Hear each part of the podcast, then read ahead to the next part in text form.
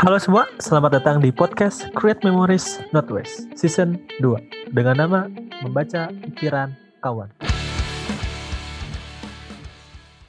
Episode kali ini akan ada Akbar nih, yaitu seorang investment enthusiast dan lalu buku yang menjadi favoritnya adalah Rich Dad Poor Dad, yaitu karya Robert Kiyosaki yang berisi tentang berbagai saran atau advice tentang mengatur keuangan dan pendapatan. Oke, uh, halo Akbar. Halo. Halo, uh, gimana kabarnya nih Bar? Sekarang baik, aman-aman aja. Oh, Kalau lu gimana nih? baik, baik, baik. Sekarang ya. baik nih di rumah aja seperti biasa. Oh, terus uh, Akbar nih sekarang lagi di mana nih posisinya? Posisi lagi di rumah aja. Karena pandemi. Rumah aja. Iya. Oh iya. Di mana tuh rumahnya, Bar? Kalau rumah sih di daerah Cengkareng ya, Jakarta Barat. Oh di oh ya Cengkareng. Oke mungkin uh, sebelum kita lanjut lagi, Akbar boleh nih saya persilakan untuk memperkenalkan dirinya agar uh, pemirsa atau pendengar nih bisa mengetahui Akbar lebih lanjut. Halo, uh, buat para pendengar, kenalin nama lengkap gue Nugraha Akbar Novrianto. Uh, biasa teman-teman kuliah atau akhir panggil gue Akbar. Sekarang sih kegiatannya tentang ya nggak jauh-jauh tentang investasi dan bisnis aja sih dan ada beberapa kesibukan magang dan lain sebagainya sebagai anak pada umumnya. Oke oke ya. Nah mungkin uh, untuk yang pertama-tama nih saya tahu nih Akbar nih orang yang tertarik terhadap investasi atau finance lah kalau bisa dibilang. Hmm. Nah mulai hmm. tertarik tentang hal finance tuh dari kapan tuh Bar? Sebenarnya kalau mulai tertarik tuh dari SMA ya, udah mulai tertarik dari oh, SMA. SMA. Mm -mm. Biasa mulai dari ngeliat-ngeliat teman, terus nonton-nonton film tentang finance, tahu baca-baca buku dulu. Waktu SMA kebetulan rada ini saya rada nerd. Oh, sering iya. main, sering main tapi baca buku jalan juga gitu. Hmm, seimbang ya. Jadi nggak main terus tapi diimbangi oleh ada baca bukunya hmm, juga. Tapi tetap banyak main kok. Oh iya banyak main. Nah, eh, kenapa tuh kira-kira lebih tertarik untuk baca buku dan belajar finance sementara di eh, lingkungannya atau di teman-teman Akbar sendiri kan eh, tadi bisa dibilang nggak terlalu into ke finance. Kenapa Bar? Kalau kenapanya sih biasanya gara-gara hmm, dengar-dengar aja misalnya orang tiba-tiba pernah gak sih? Pasti kalian semua dengar aduh duit lagi nggak ada nih. Aduh hidup susah banget ya nggak ada duit. Atau misalnya mau beli sesuatu aduh nggak ada duitnya. Atau mau bayar sesuatu waktu SMA ada yang orang tuanya kekurangan dana lah atau lain sebagainya tapi tetap aja yang paling banyak tuh diomongin biasanya tentang uang. Jadi uh, uang kan berkaitan banget sama finance nih. Jadi gue awalnya sih penasaran aja nih apa sih alasan orang nggak punya uang? Atau ada sesuatu konsep yang bisa menjelaskan gak sih kenapa ada orang yang kaya, ada orang yang miskin, ada orang yang nggak bisa mengatur keuangan, ada yang bisa? Gitu sih paling awalnya. Oh iya, jadi ya, yang mendasarinya itu karena keterlibatan uang di kehidupan sehari-hari dan fungsinya juga beragam. Mm -hmm. Juga ada perbedaan di sana di mana ada orang yang punya banyak uang dan ada juga yang memiliki sedikit uang dan itu yang membuat Akbar tertarik ya kepada Iya benar. Oke dan dari SMA itu kira-kira belajar apa saja mungkin dari SMA ke kuliah tuh ada hal-hal yang diimprove terkait pengetahuan tentang finance? Kalau tentang finance mungkin buku yang satu-satunya tentang finance yang gue baca itu yang Rich Dad Poor Dad ya. Karena gue nggak ada banyak waktu untuk nguliknya ketika gue SMA. Dan waktu itu juga uh, di akhir-akhir SMA, jadi banyak banget kesibukan tuh kayak misalnya tes inilah, tes itulah, SBMPTN, SNM gitu-gitu kan.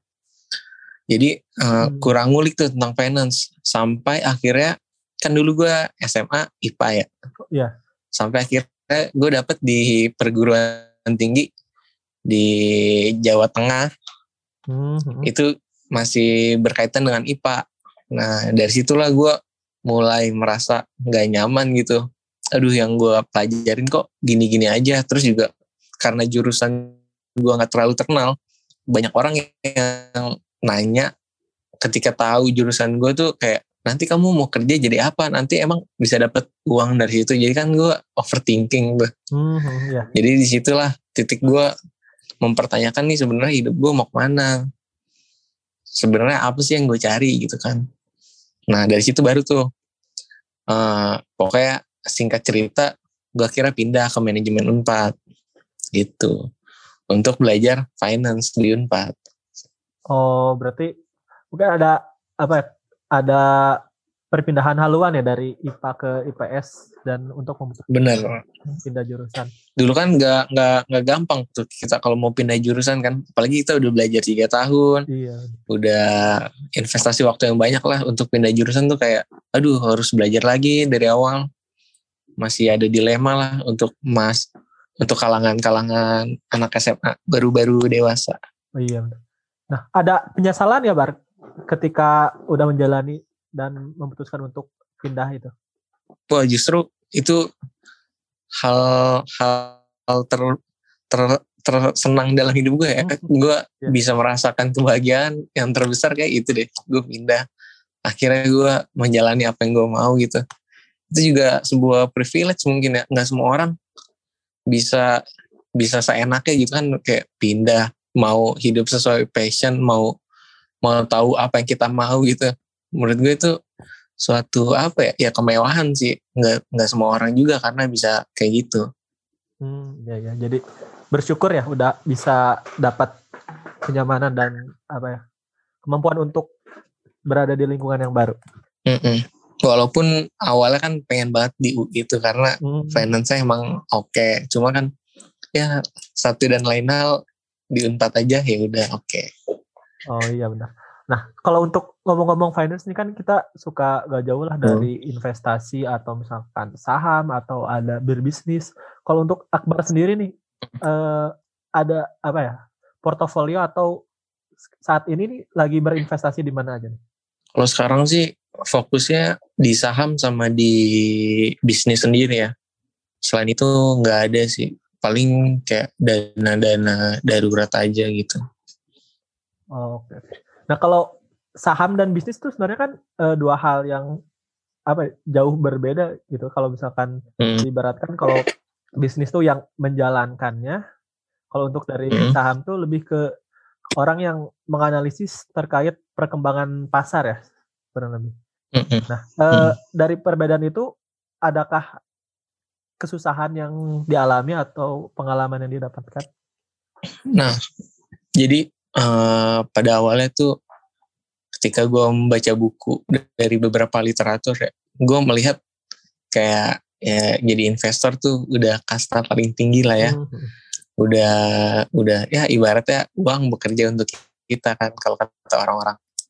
Tapi karena mungkin gue terlalu cepet ya masuk ke saham untuk investasi dan modalnya juga nggak sebanyak itu.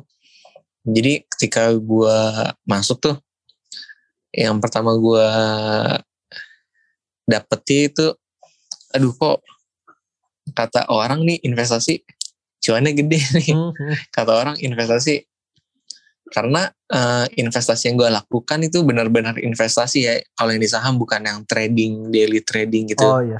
bukan scalper itu. Jadi gue sebisa mungkin nih mendapat passive income dari dividen. Walaupun ya ya lumayan. Misalnya per tahun nih satu digit adalah gitu. Oke. oke.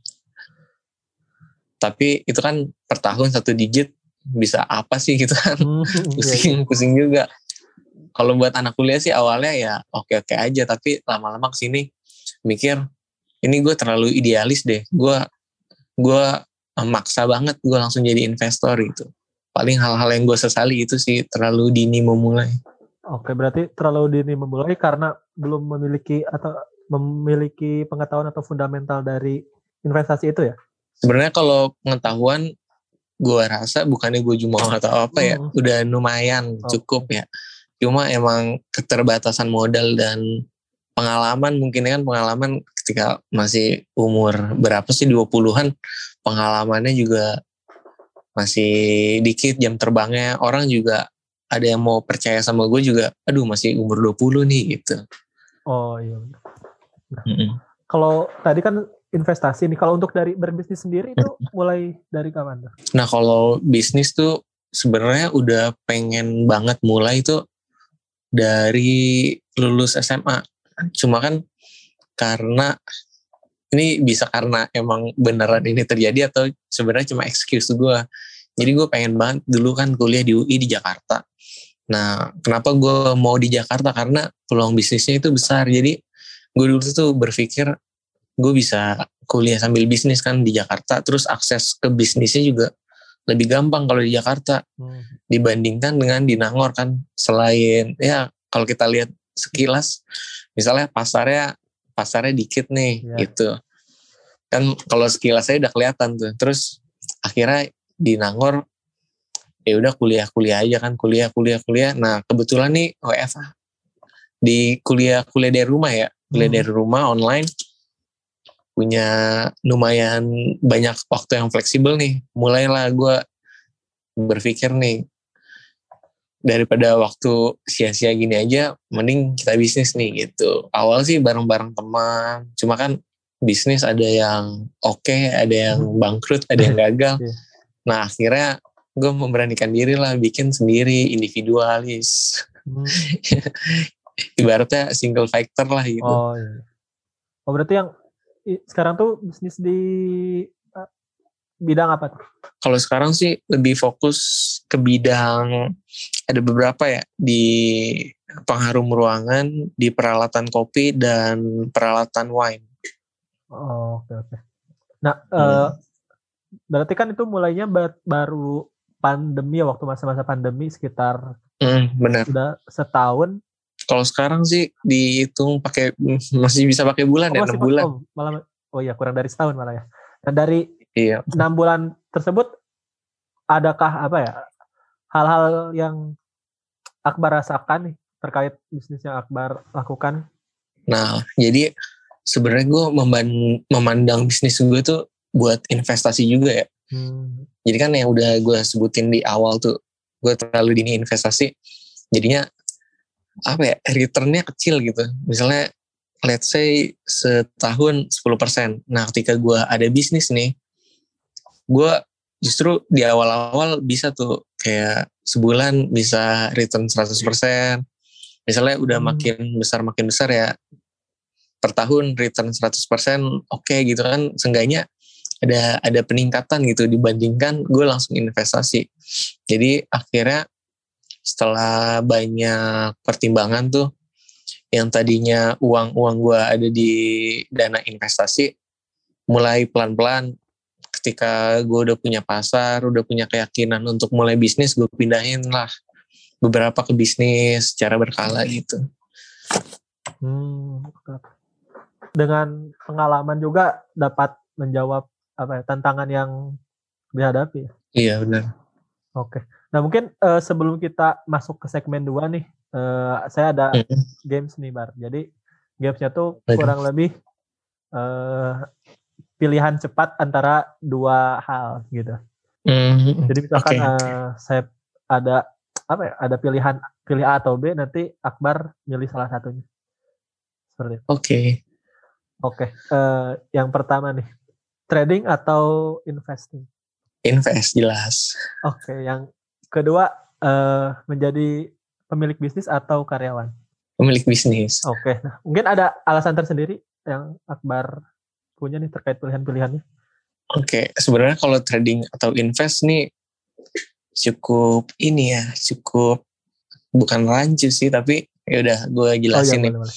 Gue sekarang kan uh, bisnisnya itu trading juga kan, uh, berdagang gitu di marketplace. Oh, iya, okay. Kalian bisa cek ntar. Oh iya gak apa-apa, silakan silakan. di, di Tokopedia atau di Shopee ada uh, Freeman Legacy, Freeman underscore Legacy. Nah itu uh, bisnis yang gue jalani sekarang. Tapi uh, selain bisnis gue itu trading kan, uh, jual beli barang, tapi gue ngelihatnya itu sebagai investasi gue ke depannya.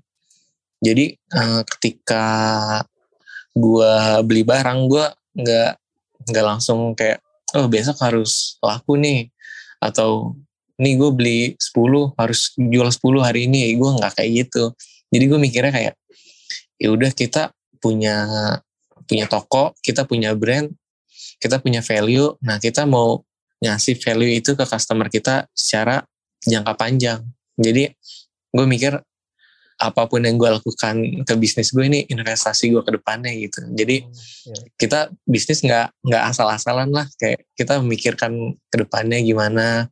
Terus juga kita nggak nggak nggak mikir cuan-cuan jangka pendek. Mm -hmm. Kita juga mau cuan tapi yang berkelanjutan. Kan gak enak juga kalau misalnya sekarang cuan besok bangkrut tiba-tiba. Iya sih. Jadi itu sih.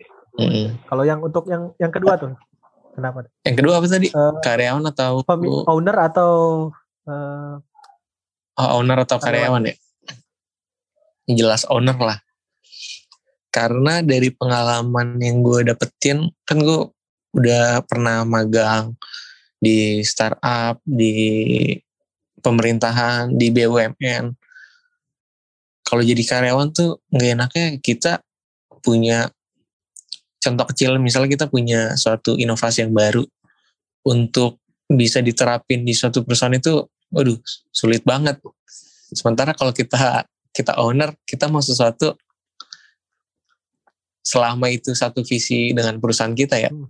kita bisa tuh hari itu atau detik itu langsung jadi oh, gitu enaknya situ sih sama ya fleksibilitas terus kalau gue lihat di kerjaan nih kadang-kadang orang sikut-sikutan lah buat hmm. jilat-jilatan ke atasan lah iya, gitu iya. kan kalau bisnis owner ya kita kita mau jilat siapa gitu iya. terus juga kita bisa ngasih apa ya ngasih perubahan kecil lah buat buat ke pekerja gitu kita bisa respect ke pekerja yang loyal dan lain sebagainya biar budaya budaya budaya jilat menjilat tuh hilang. Oh iya, oke okay. sih dari fleksibilitas dan uh, apa ya pengambilan keputusan dan juga mungkin dari iya, budaya lebih, juga lebih enak ya.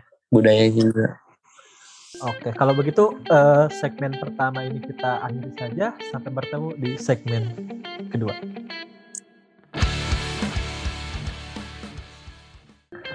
Di segmen kedua ini kita bakal membahas buku Rich Dad Poor Dad. Buku ini berisi mengenai perjalanan penulis yaitu Robert Kiyosaki dalam mengatur keuangan dan melakukan investasi. Oke, uh, halo Bar. Halo. Kalau untuk pertama kali nih tahu buku Rich Dad kan tadi SMA. Nah itu lihatnya karena hmm. kenapa tuh bisa tahu pertama kali banget bukunya? Gue lupa juga ya. Apa? Oh dulu gue sering baca awalnya gue baca buku-buku uh, social science. Kalau kalian lihat eh atau cari tuh ada penulisnya Jared Diamond. Jadi karena buku itu tuh awalnya gue suka baca buku dan ke sini sininya setelah baca itu jadi gue sering kayak ke Gramedia gitu-gitu kan. Hmm. Nah kebetulan waktu itu kayaknya Rich Dad Poor Dad tuh masuk satu etalase yang terpopuler atau terlaris gitu. Jadi gue ngeliat lah dari situ setelah lihat kepo beli oh akhirnya dibaca nah, uh, buku ini juga kan udah lama ya diterbitkannya sekitar dari tahun berapa dua ribu ya kalau nggak salah iya udah lama udah lama banget udah hampir 20 tahun lebih. Dan uh, hmm. seisinya juga masih relevan ternyata terhadap kondisi sekarang. Masih. Dan yang mungkin yang paling paling sering diulang-ulang tuh terkait ini nih dari pengelolaan pendapatan yang menjadi aset atau ada juga yang menjadi pengeluaran atau liability ya. itu. Hmm. Kalau dari Akbar sendiri menanggapi hal tersebut ya gimana? Nah, di sini tuh ada apa ya sudut pandang penulis yang menurut gua radikal, tapi radikal dalam arti baik ya. Nah, ini dalam sudut pandang dia. Jadi menurut gue penulis tuh bagus karena dia bisa ngasih sudut pandang lain dari aset dan liabilities. Jadi misalnya anak SMA deh, misalnya udah belajar keuangan kan atau anak kuliah nih, yang finance finance atau yang manajemen biasanya kan belajar juga nih akuntansi. Biasanya aset dan liabilities kan kebanyakan ya tau lah liabilities cuma utang Hmm. aset itu misalnya aset gedung fixed aset current aset misalnya uang dan lain sebagainya. Nah di buku ini nih dia punya sudut pandang yang beda. Bahkan rumah aja yang biasanya dalam akuntansi itu masuk ke kategori aset sama dia tuh dikelompokkan di liabilities jadi itu perbedaan banget kan Hmm.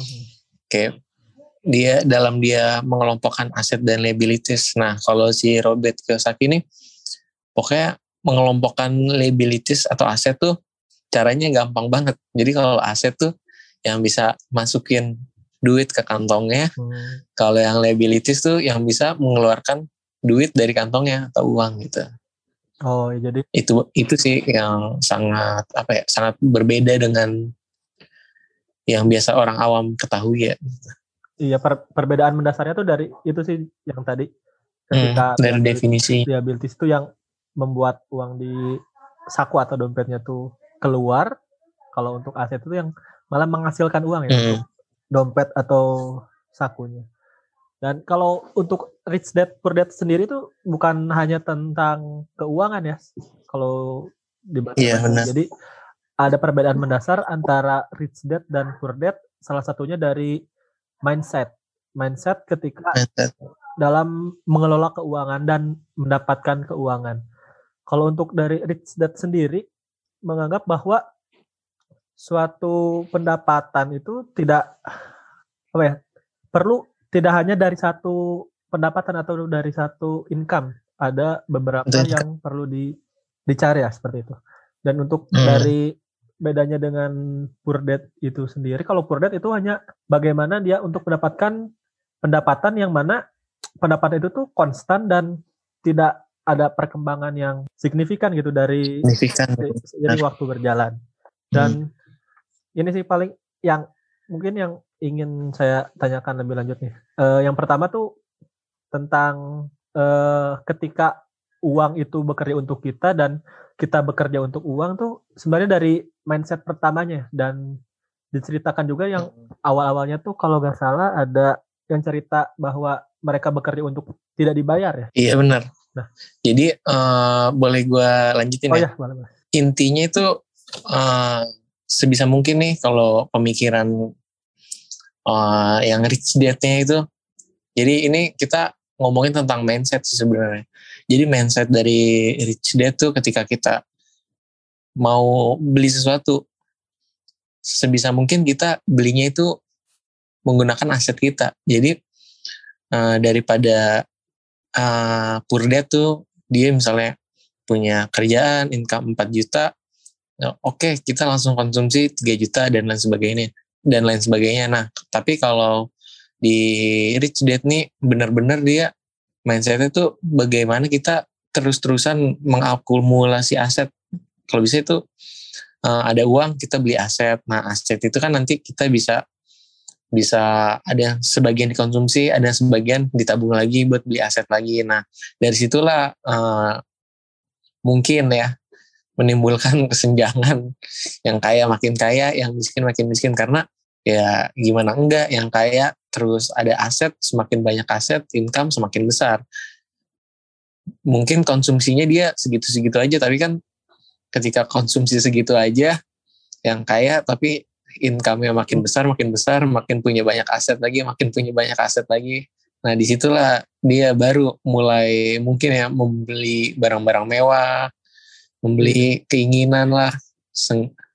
Ketika aset dia itu bisa menghidupi dia gitu. Hmm, iya. Dan ini juga kalau misalkan di eh, apa ya dibawa ke masa sekarang nih, sebenarnya Hmm. pembelian barang dengan aset tuh merupakan hal yang perlu dilakukan karena sekarang tuh kan banyak nih zaman zamannya pinjol ya orang tuh kepepet atau kebelet ingin mempunyai Nah, iya tapi kemampuan finansialnya juga belum bisa apa ya eh, Dan bisa mencukupi, mencukupi lah ya. kayak gitu. Kalau dari Akbar sendiri nih menanggapi orang-orang yang menggunakan pinjol atau yang membeli barang yang di luar kemampuannya itu kayak gimana? Kalau pandangan dari gue sih sebenarnya ya nggak apa-apa tapi tahu batasannya dan tahu apa ya sebutannya tuh tahu ke depannya itu bakal gimana? Apa ya? Bahasa Eh, apa? pokoknya ya tahu. Eh Prediksi atau iya prediksi atau konsekuensi Oh, ya iya. tahu konsekuensinya. Misalnya dengan pinjaman seperti apa nanti ke depannya dia harus membayar cicilan seperti apa dan bunganya berapa. Menurut gue tuh sebenarnya wajar-wajar aja karena manusia ya nggak pernah nggak pernah puas apa Iya, yang udah dia punya. Tapi ya sebisa mungkin kalau untuk pinjaman-pinjaman yang konsumtif tuh dikurangi atau bahkan tidak usah jadi daripada buat yang konsumtif apalagi pinjaman kan ada bunganya kita bayarnya lebih besar Hmm. mendingan kita kumpulin sedikit-sedikit kita belikan aset dulu nah ketika asetnya udah bisa menghasilkan uang uangnya lah itu yang kita beli yang Oh. kita gunakan untuk membeli barang yang kita mau. Mungkin emang jatuhnya lebih lama ya cuma kalau dalam finansial ya itu lebih sehat sih.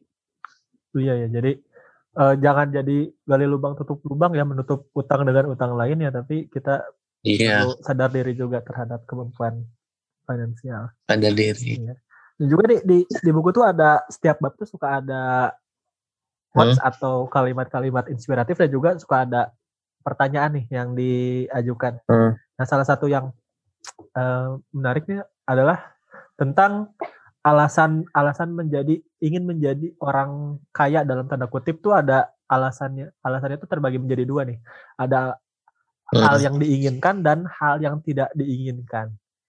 Nah, Akbar sendiri ada atau mempunyai hal-hal yang diinginkan dan yang ti- tidak diinginkan secara pribadi dalam menjadi kaya dalam menjadi kaya. Ini gue pribadi ya bukan menurut bukunya ya Iya, iya.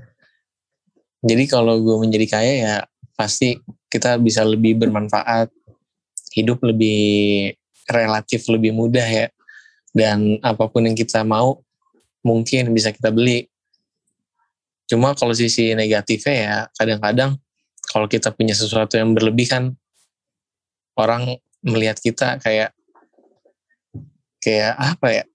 Eh dia uangnya lebih nih, Hmm. deket dikit minjem Oh, iya. nanya kabar, nanya kabar minjem duit. Hmm. Terus juga pasti kalau kita udah di kondisi yang ibaratnya udah udah di atas lah. Teman kita juga kan udah semakin dikit karena yang di atas itu kan emang lebih dikit dibanding yang di bawah ya pada pada dasar piramidanya itu. Jadi itu sih yang negatifnya. Kalau dari akhir gimana tuh? Nah, sebenarnya kalau eh, hal yang diinginkan dan yang hal tidak diinginkan Hmm. nyambung sih sama episode sebelumnya. Jadi kalau sebenarnya Hmm. memiliki banyak uang tuh membuka banyak pilihan yang kita punya. Salah satunya misalkan Hmm. kita bisa memilih di mana kita ingin tinggal, bagaimana kita berpenampilan atau menjalani gaya hidup kayak gimana. Karena ketika kita nih tidak memiliki cukup uang dan kita tidak bisa memilih hal-hal tertentu, itu menjadi suatu sangat hal yang disayangkan. Contohnya misalkan Hmm. ada di mana dilema kita perlu memiliki sejumlah uang yang jika kita punya tuh kita bisa memberikan manfaat yang lebih besar nih bagi diri kita atau orang lain gitu sih yang membuat eh, apa yang membuat mengapa Mauan orang ingin atau saya sendiri ingin memiliki banyak eh, uang atau dan tanda kutip ingin jadi kaya kayak gitu. Kalau yang negatifnya apa tuh? Nah kalau yang saya ingin gak mau sih itu tadi eh, Iya. nggak mau kalau maunya ingin ingin nggak mau memiliki sedikit pilihan terhadap suatu hal tertentu keinginannya ingin Oh, memiliki banyak eh, pilihan seperti itu dan terus tadi juga mau nyinggung nih sama sama yang Akbar bilang tadi kan eh, ketika contohnya misalkan seseorang nih udah menjadi kaya dan pasti banyak nih orang yang akan eh, dalam tanda kutip mendekatinya dan gak jauh dari eh, meminta jabatan. Kalau misalkan saya baca dari buku terus gak jauh dari meminjam uang. Tapi beberapa orang tuh malah tidak menanyakan sebenarnya bagaimana bisa menjadi eh, kaya dan memiliki uang dengan sejumlah yang dimiliki kayak gitu. Iya sih. Jadi orang kebanyakan lihat hasil akhirnya tapi dia nggak mau Hmm. tahu caranya. Nah, orang-orang juga uh, keseringan misalnya ngeliat orang nih punya satu juta dolar. Sebenarnya orang itu nggak benar-benar mau uangnya satu juta dolar, tapi yang mau yang dia mau itu menghabiskannya. Iya benar. Dapat nggak poinnya? Jadi Iya. Nah, sebenarnya kan misalnya kalau orang yang berpikiran kaya dalam tanda kutip ya, punya satu juta dolar, pasti dia mikirnya kan kayak kita bisa bisa bikin bisnis ini, bisnis itu, investasi sana, investasi ini. Nah, sementara orang yang menghabiskannya gitu sih, itu balik lagi ya ke mindset yang tadi dia mention di awal. Mm, iya. Oke. Dan eh, jadi kalau dari buku ini sendiri tuh lebih ke mindset bagaimana kita mengatur dan mengelola keuangan yang dimiliki agar Iya, aset benar. yang kita miliki itu tidak menjadi liabilities atau jadi pengeluaran, tetapi aset tersebut tuh Hmm. bisa menghasilkan aset-aset selanjutnya. Terus juga gue mau cerita nih tentang yang biasanya kalau kalian suka buku-buku Robert Kiyosaki nih di banyak bukunya selain Rich Dad Poor Dad kalau kalian pada mau baca ya pasti ada diagram ini loh diagram cash flow Oh iya benar. Tahu cash flow kuadran kuadran ya yang Iya. misalnya I itu employee S SI self employee terus B business owner I investor kan nah jadi di buku Robert Kiyosaki biasanya Robert Kiyosaki itu menyarankan orang pindah kan dari oh iya, sebelumnya sebelum pindah-pindah Iya. kita jelasin dulu kali ya misalnya employee itu seperti apa Oh. nah kalau employee itu biasanya karyawan-karyawan yang kerja dapat gaji bulanan kalau self employee itu contohnya kayak misalnya pengacara Hmm. dia dia kerja dengan namanya sendiri dan dia kerja untuk diri dia sendiri gitu karyawan eh karyawan sorry, pengacara juga. atau dokter misalnya dokter spesialis freelancer juga bisa kalau eh, business owner ya dia punya bisnis jadi dia dia bisa mendelegasikan tugas jadi dia nggak kerja untuk diri dia sendiri tapi dia bisnis dia yang kerja untuk dia kalau investor tapi kalau di business owner juga kan business owner harus tetap turun tangan kan kalau Hmm. bisnisnya ada apa-apa gitu nah kalau investor nih yang udah disebutnya financial freedom lah Oh, ya iya. yang yang udah punya investasi yang hasilnya itu udah udah siap lah buat dikonsumsi udah udah udah udah paling atas lah kuadrannya kalau menurut buku Robert Kiyosaki ini jadi kalau kalian suka karya-karya Robert Kiyosaki ini pasti ada nih dia ngebahas sedikit-sedikit tentang diagramnya Hmm, iya, iya. Oh iya, terus yang tadi ya yang dia menyarankan pindah Hmm. pindah kuadran. Nah, kalau bisa tuh setiap orang nih emang nggak semuanya dapat privilege tiba-tiba jadi investor atau bisnis business owner ya. Tapi kalian bisa eh, pelan-pelan lah pindah haluan. Misalnya dari yang tadinya employee atau self employee kalian bisa pelan-pelan ngebangun usaha kalian sendiri kalian jadi business owner. Nah ketika jadi business owner kalian bisa ngumpulin uang. Akhirnya kalian punya dana untuk investasi. Nah kalian bisa jadi investor gitu sih biasanya yang paling disarankan oleh Robert Kiyosaki Hmm, ya jadi jangan terlalu lama di suatu apa ya, tempat dan perlu mil- memiliki perkembangan juga ya dan berpindah hal. Hmm, perkembangan juga benar Eh, kalau untuk menutup nih, Bar, kira-kira ada hal yang ingin disampaikan nih oleh Akbar kepada pendengar untuk terakhir? paling hmm, ini aja sih kalau kita melihat uang tuh ya uang itu sebenarnya cuma angka kan bukan segalanya. Hmm, uang itu kita sebisa mungkin gunakan untuk mencapai tujuan hidup sih. Jadi tujuan hidup kita jangan uang tapi gunakan uang sebagai tujuan hidup kita. Jadi kita harus punya tujuan hidup lebih besar dari sekedar ngejar-ngejar uang dapetin uang. Hmm, ya. Tapi gunakanlah yang gue gue balik bolak balik terus nih biar biar mikir. apa biar ngelotok di Iya. otakmu gitu. Iya biar biar mikir nih. Kalau kalau nggak ngerti ulang-ulang lagi aja. Ya, jadi intinya jangan kejar uang tapi gunakan uang untuk tujuan lu gitu. Oh. itu sama yang tadi sempat di mention ya satu lagi nih biar biar ada pesan-pesan yang bisa diambil kan banyak. Iya? terus juga kita kalau bisa bekerja untuk belajar ya jangan jangan untuk uang. Itu juga gue terapin sih ketika belajar di startup impor ya. Hmm. cari cara bisnis bekerja cara impor dan akhirnya setelah keluar dari tempat magang itu akhirnya gue bisa bisnis sendiri bisa impor sendiri.